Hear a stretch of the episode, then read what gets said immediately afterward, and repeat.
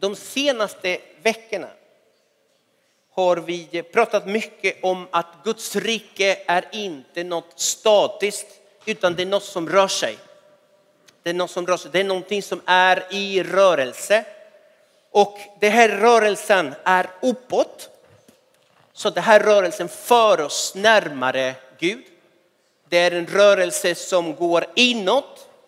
Det är en rörelse som för oss närmare varandra. Och sen det är en rörelse utåt. Det är en rörelse som för oss närmare andra. En värld som behöver Jesus. Och idag skulle jag vilja, vilja prata om, jag skulle vilja prata om vår kallelse. Och det som för oss närmare Herrens hjärta, Herrens vilja och Herrens passion. Vad är det han brinner för? Om jag säger ordet väckelse, vad får du för bilder? Vad är det du tänker på? Ja, jag vill bara kasta frågan. För att vi kan ha olika bilder. Eh, vilka känslor får du när jag säger ordet väckelse? Du som är ny i tron, du vet inte ens vad det är. Men du som har varit med Jesus ett tag, du har kommit i kontakt med det ordet. Hur definierar vi väckelse? Och jag tror att var och en av oss har en egen definition. Var och en av oss har en egen bild. Eh, men om jag skulle fråga så här, vem vill ha väckelse i Sverige idag? Den som vill, räck upp handen nu. Okay. Så det här verkar som att det är någonting som alla vill ha. Stämmer det? Är det korrekt uppfattat? Ja, bra. Så jag tror att det är bra att, att, vi, att vi eh, på något sätt definierar vad är det vi vill ha. Det är bra att vi vet vad vi ber för, för jag tror att alla ber ni för det där. Då är det, vad är det vi ber för? För jag kommer ihåg, att jag träffade en äldre dam för många år sedan. Och jag märkte att hon var lite irriterad, ganska irriterad. Och då frågade jag, var är, var, var, varför är du liksom inte så glad? Nej, jag tycker att man känner inte igen folk längre. Vad menar du? Liksom mer än hälften av de som samlas här vet inte ens vilka de är. Okej, okay. men har du bett för väckelse? Det har jag gjort i många år. I flera decennier har jag gjort det. Okej, okay. men ska du inte tacka Gud när det kommer till din kyrka?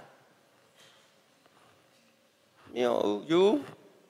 Så hon håller med om att ibland har vi en föreställning om vad väckelse är.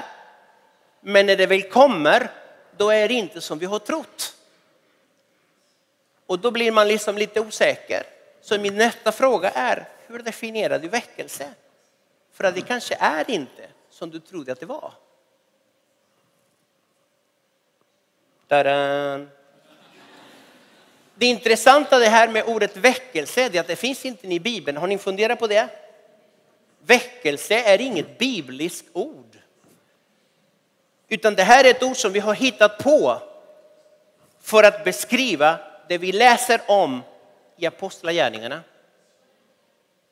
Det är ingen i urförsamlingen som gick omkring och sa vi har väckelse i Antiochia eller vi har väckelse i Jerusalem. De bara levde livet tillsammans med Jesus. Men vi har kommit lite längre bort från det där och det är därför vi behöver ett ord för att beskriva hur det är att leva i vår naturliga tillstånd. Det finns många definitioner av väckelse och här kommer en till. Väckelse är en rörelse från Gud som sätter ett folk i rörelse. Ska jag ta det igen? Väckelse är när en rörelse från Gud som sätter ett folk i rörelse. Det är när Guds rike bryter fram, när den allsmäktige guden rör sig och hans folk följer efter. Det finns en bibeltext som jag tycker passar just den här definitionen. Och det är Johannes 3 och 8. Det står så här. Vinden blåser vart den vill och du hör dess sus. Men du vet inte varifrån den kommer eller vart den är på väg. Så är det med var och en som är född av ande. anden. Väckelse är inte något lyxtillstånd som några få kyrkor, eh, privilegierade kyrkor ska få. Utan det här är det naturliga tillståndet vi är kallade till att leva. Det är att leva i apostlagärningarna. Som vattnet är den naturliga miljö för en fisk och luften är den naturliga miljö för en, för en fågel. Så är väckelsen den naturliga miljön för en församling. Var det ett amen? Ja, men varför har vi inte det, sa du? Ja, det är för att vi inte lever i vårt naturliga miljö. Det är något som saknas. Vi som Guds barn är skapade just till detta. Att röra oss i Herrens närvaro, att leva i hans nåd, att bli använda av hans kraft och att komma i rörelse med hans röst. Väckelse är inte en färdig produkt utan mer en process. Det är ett folk som är på väg någonstans dit Herren går. Det jag kommer att göra nu är att ha en lista. Jag kommer att ta fram en lista och det är, inte, det är saker som är nödvändiga för att väckelse ska ske. Och det här är inga krav. Och här, nu måste vi en lista med krav som vi måste uppfylla för annars har vi inte det. Det är inte det, utan det är mer saker som kännetecknar ett folk som är redan i rörelse. Bland annat punkt nummer ett, bön. I en sådan rörelse ser man ett längtande folk som söker och bultar. Det är ett folk som ropar till himlen. Det är djup som ropar till djup. Det finns en bibeltext som säger så här i Jeremia 33.3. Ropa till mig så ska jag svara dig. Så vill jag svara dig, står i en annan översättning. Och låta dig höra om stora och ofattbara ting som du inte känner till. Det där är bön. Bön är inte att tjata tills vi får det vi vill. Det var bra, ingen sa amen. Det handlar inte om att tjata, utan det handlar om att positionera sig inför Gud. Med ett hjärta som säger, låt din vilja ske. Så som i himlen, så och på jorden. Det är när alla generationer ber tillsammans, man och kvinna, nyfrälsta och de som föddes bland bänkarna. Det är så när vi söker Gud tillsammans. Och det här är någonting fantastiskt som vi får uppleva varje tisdag på kvällen klockan 18 i Mahognysalen, där det samlas en 70-80 pers för att be tillsammans och där 70-80 procent är ungdomar. Det är rätt ovanligt när en ny generation börjar lära sig att söka Herrens ansikte i bön. Och det här är inte, du som inte brukar komma, det är inte för att du ska få dåligt samvete. Eller?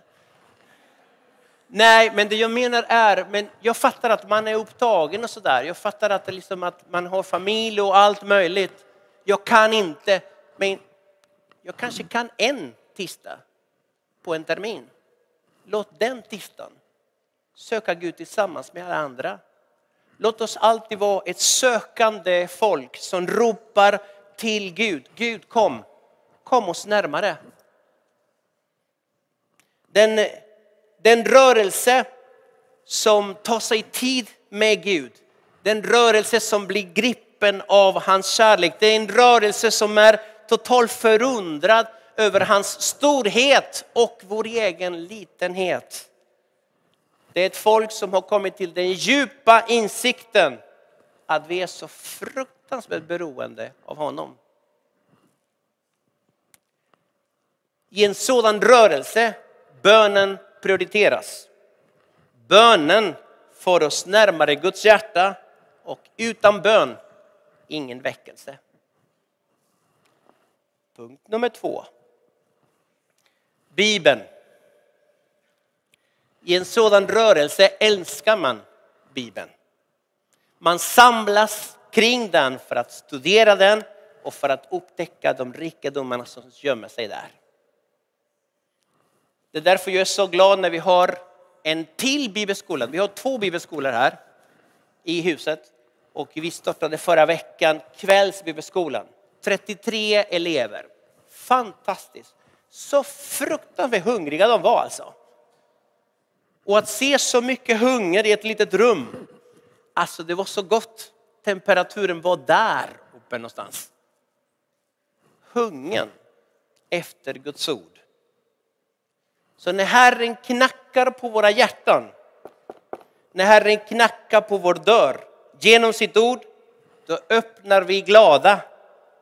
För vi vet att han står för en festmåltid till oss, där vi är herdegästerna. Det står i Uppenbarelseboken kapitel 3 och vers 20 följande. Se, jag står vid dörren och knackar. Om någon hör min röst och öppna dörren ska jag gå in till honom och hålla måltid med honom och han med mig. Det här är ett folk som känner igen Mästarens röst. Det är ett folk som lyssnar när Herren befaller. I Johannes 10 står så här att fåren följer honom eftersom de känner hans röst. Det här är en lärjunge som har en relation till hans röst. Det handlar om ett folk som tror, som litar på det som Herren har lovat. Det är ett folk med en övertygelse. I en sådan rörelse, Guds ord prioriteras. Bibeln för oss närmare Guds tankar och planer. Utan Bibeln, ingen väckelse. Punkt nummer tre. Helig ande. I en sådan rörelse ser man ett folk med brinnande hjärtan. Om det finns någonting som Jesus längtar efter, det är att se ett folk som brinner för det Gud brinner för. I Lukas 12 och 49, det står så här. Jag har kommit. Och här är en intressant grej. Varje gång du läser Bibeln och du läser det här, jag har kommit. Läs det igen. För att här avslöjar alltid Jesus sitt syfte. Jag har kommit för att tända en eld på jorden. Och vad jag önskar att den redan var tänd. Och det är självklart att han tänker på vad som kommer att hända på pingstdagen när den helige ande kommer över hans församling och allt blir förvandlat. Vilken stor förändring när de här lärjungarna brinner på insidan. Väckelse i vår tid är möjligt när Guds eld drabbar ett folk som följer Jesus på ett passionerat sätt. Det går inte att missa att Gud rör sig bland dem. De eh, tänker på ett annorlunda sätt, de pratar på ett annorlunda sätt, de ber på ett annorlunda sätt, de rör sig på ett annorlunda sätt, de lever på ett annorlunda sätt. Guds ande rör sig mitt ibland sitt folk. I en sådan rörelse, Guds rikes, Guds rike prioriteras, den helige ande för oss närmare Herrens passion.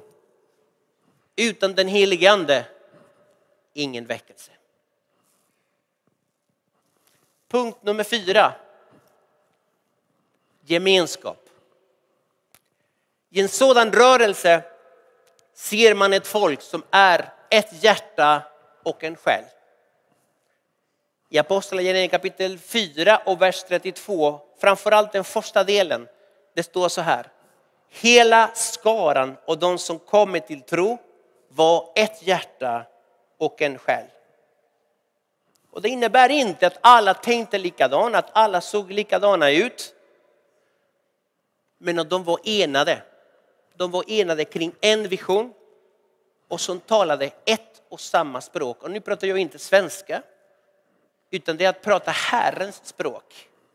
Det är att prata andens språk. Att tänka som Gud tänker, att röra sig som en kropp. Och i sån, en sån rörelse, ordet tillsammans blir det väldigt viktigt. Ordet mångfald blir det väldigt viktigt. Det handlar om alla generationer, alla åldrar, man och kvinna sida vid sida. Nya och erfarna. Alla folk, alla färger som engagerar sig för det Herren gör här och nu.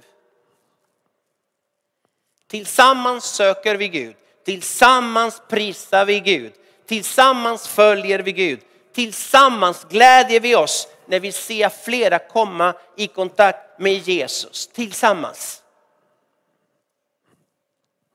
Som en enda kropp. Så väckelse handlar inte om en person eller en tjänstegåva utan om ett folk. I en sådan rörelse gemenskap prioriteras. Gemenskap för oss närmare varandra och utan ett folk som rör sig som en kropp, ingen väckelse. Känns det bra hittills? Punkt nummer fem. Nöd. Väckelsen sker när Guds folk drabbas av nöd för sin stad, för sitt sammanhang och för sin tid. Andra Moseboken kapitel 3 och vers 7. Det står så här. Det här är när Gud ska sända Mose. Han möter Mose och han ska sända honom till, till farao. Herren sa, jag har sett hur mitt folk förtrycks i Egypten. Jag har hört hur de ropar över sina plågare. Jag känner deras lidande.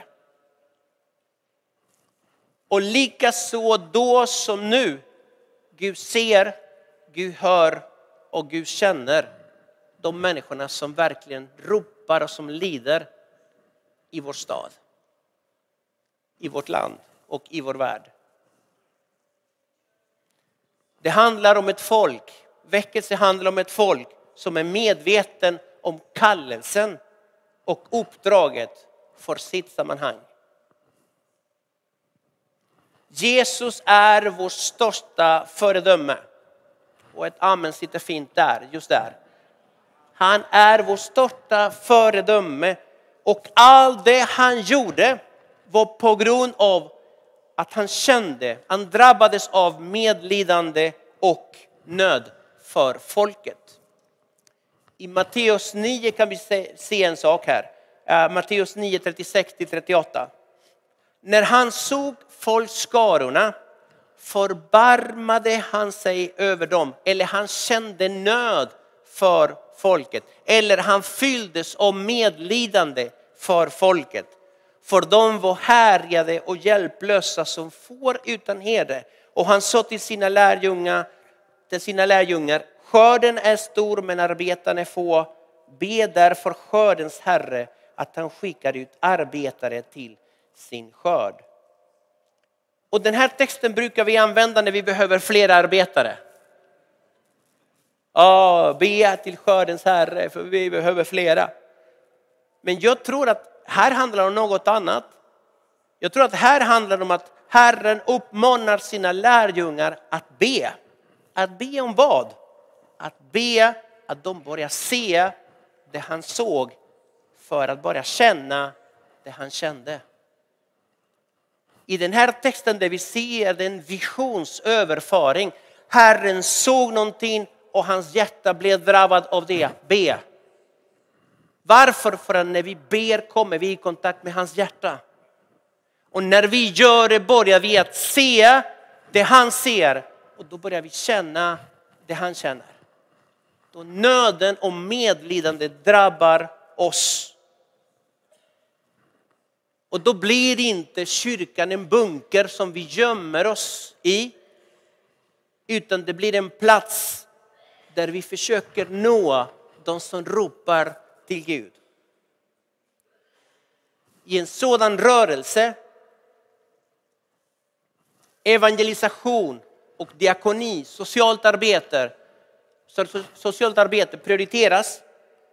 Nöd för oss närmare andra. Utan medlidande och nöd, ingen väckelse. Punkt nummer sex. Det känns som att ni är med va? Ja, bra, bra. Jag ville bara kolla. Helgelse. När vi kommer närmare Jesus kommer vi alltid längre bort från synden. Synden är inte bara att ljuga, att tänka, att snacka skit om andra. Det är inte det som är problemet. Det där är bara effekterna. Det där är bara konsekvenserna av en rot. Och roten är att vi inte väljer Jesus. Det är synd. Att följa Jesus är en sak, men när jag börjar titta bakåt, då följer jag inte Jesus, utan jag bara min uppmärksamhet fäst på något annat. Det där är synd. När jag bara röra mig i en annan riktning, i det som jag är kallad till. Helgelse för, nu kommer det. Helgelse för oss alltid, alltid till sann omvändelse. Då blir det rätt förståelse av vad Guds nåd är. Guds nåd är ingen licens för att synda. Guds nåd har vi fått inte för att min vilja ska ske, utan för att Guds vilja ska ske i mitt liv.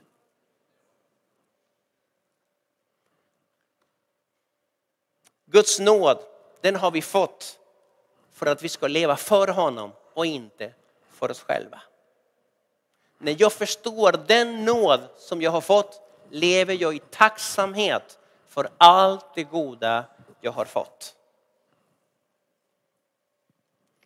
Här får vi akta oss för ett humanistiskt evangelium där jaget sitter på tronen och inte Jesus.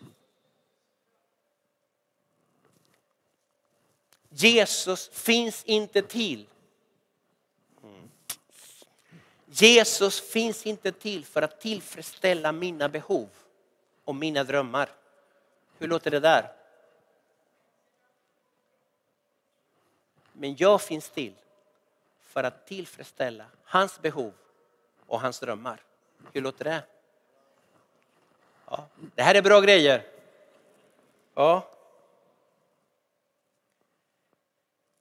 Hebreerbrevet kapitel 12 och 14, det står så här. Sök frid med alla och helgelse. För utan helgelse kommer ingen att se Herren. Helgelse handlar inte om att springa bort från synden. Helgelse handlar om att springa mot Jesus.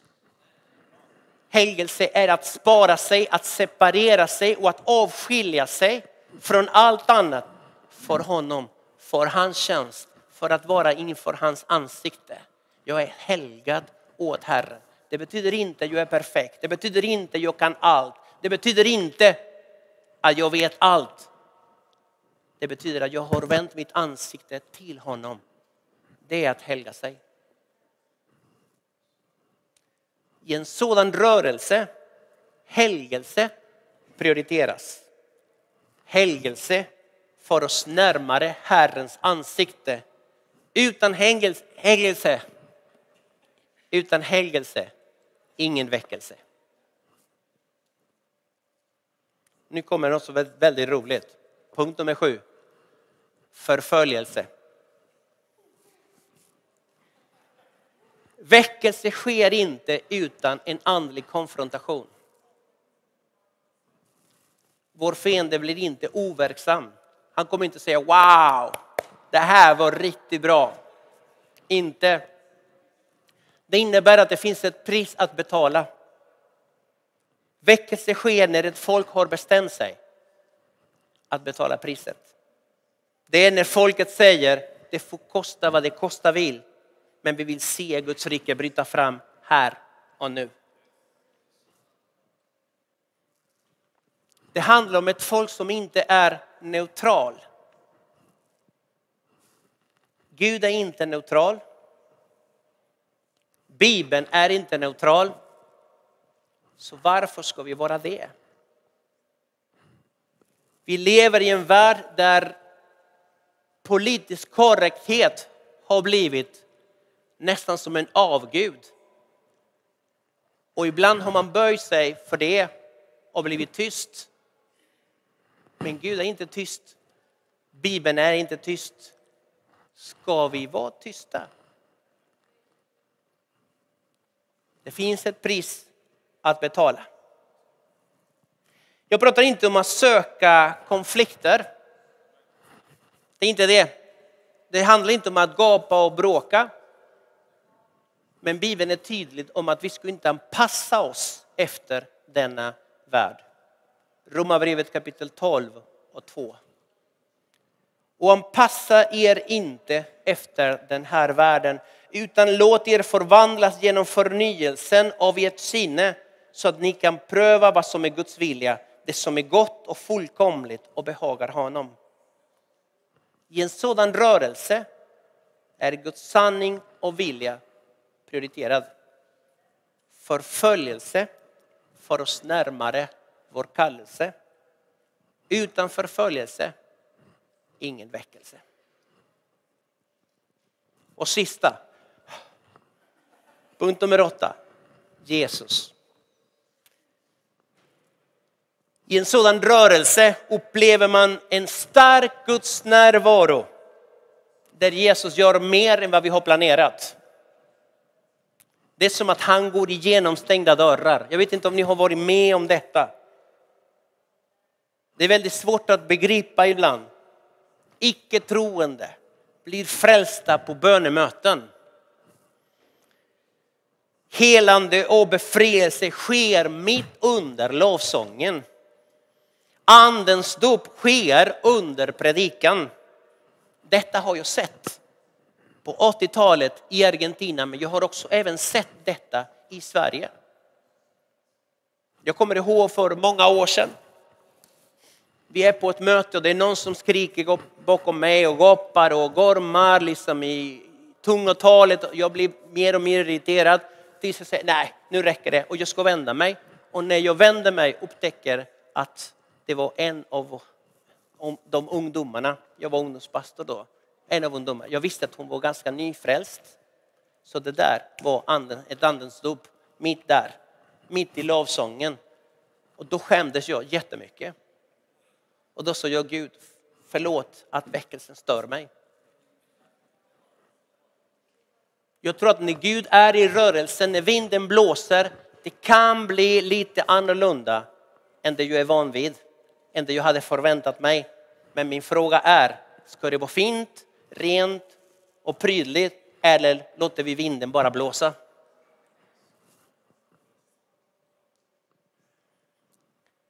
I en sådan rörelse finns det syndanöd i luften, i atmosfären. Det är människorna som kommer att fråga oss, hur ska jag göra för att få syndernas förlåtelse? Hur ska jag göra för att komma till himlen? Hur ska jag göra för att få frid med Gud? Och det är inte vi som, oh, när jag säger räkna till tre, räck upp handen eller sådana där grejer. Utan de själva, syndanöden, bara hur gör jag för att komma i kontakt med Gud? Kan du be för mig? Och då säger vi, Amen, jag ska be en liten bön med dig så du kan ta emot Jesus. Korsets konsekvenser och korsets seger blir en verklighet vi lever mitt i.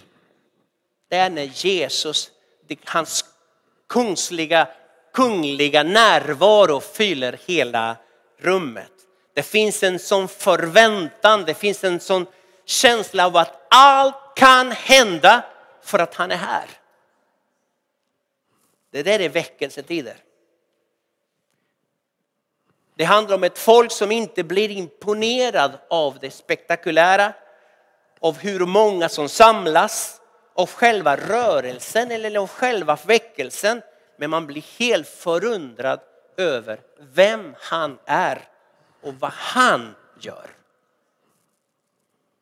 I en sådan rörelse, Jesus prioriteras.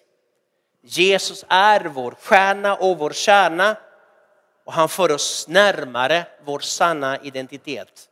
Vi är hans. Utan Jesus, ingen väckelse. Som sagt, de här åtta punkterna som jag tog fram idag, nu, det handlar inte om nu måste vi göra det här. Men jag tror att det här är saker som kännetecknar ett folk som är i rörelse. När Gud rör sig och ett folk följer efter. Och jag vill inte, jag vill inte kalla det väckelse. Det är en ganska bränt ord också. Den är ganska laddat ord. Men det är fantastiskt att se när Gud rör sig mitt ibland oss och jag förstår att han gör det.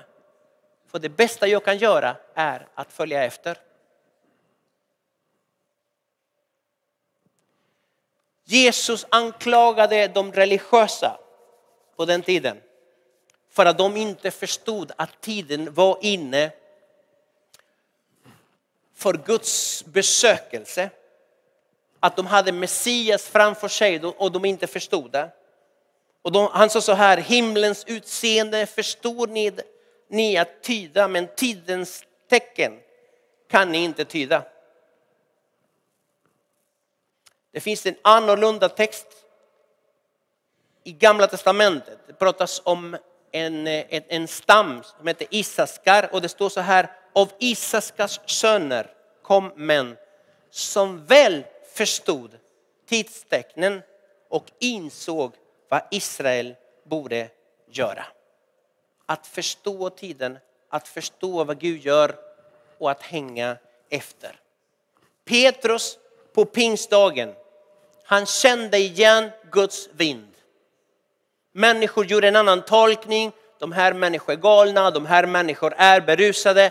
Petrus kände igen det här och han visste att det är just det här som hade profeterats tidigare. Det är just det här Herren hade pratat om. Det är just det här har vi bett för. Det är just det här vi har längtat efter.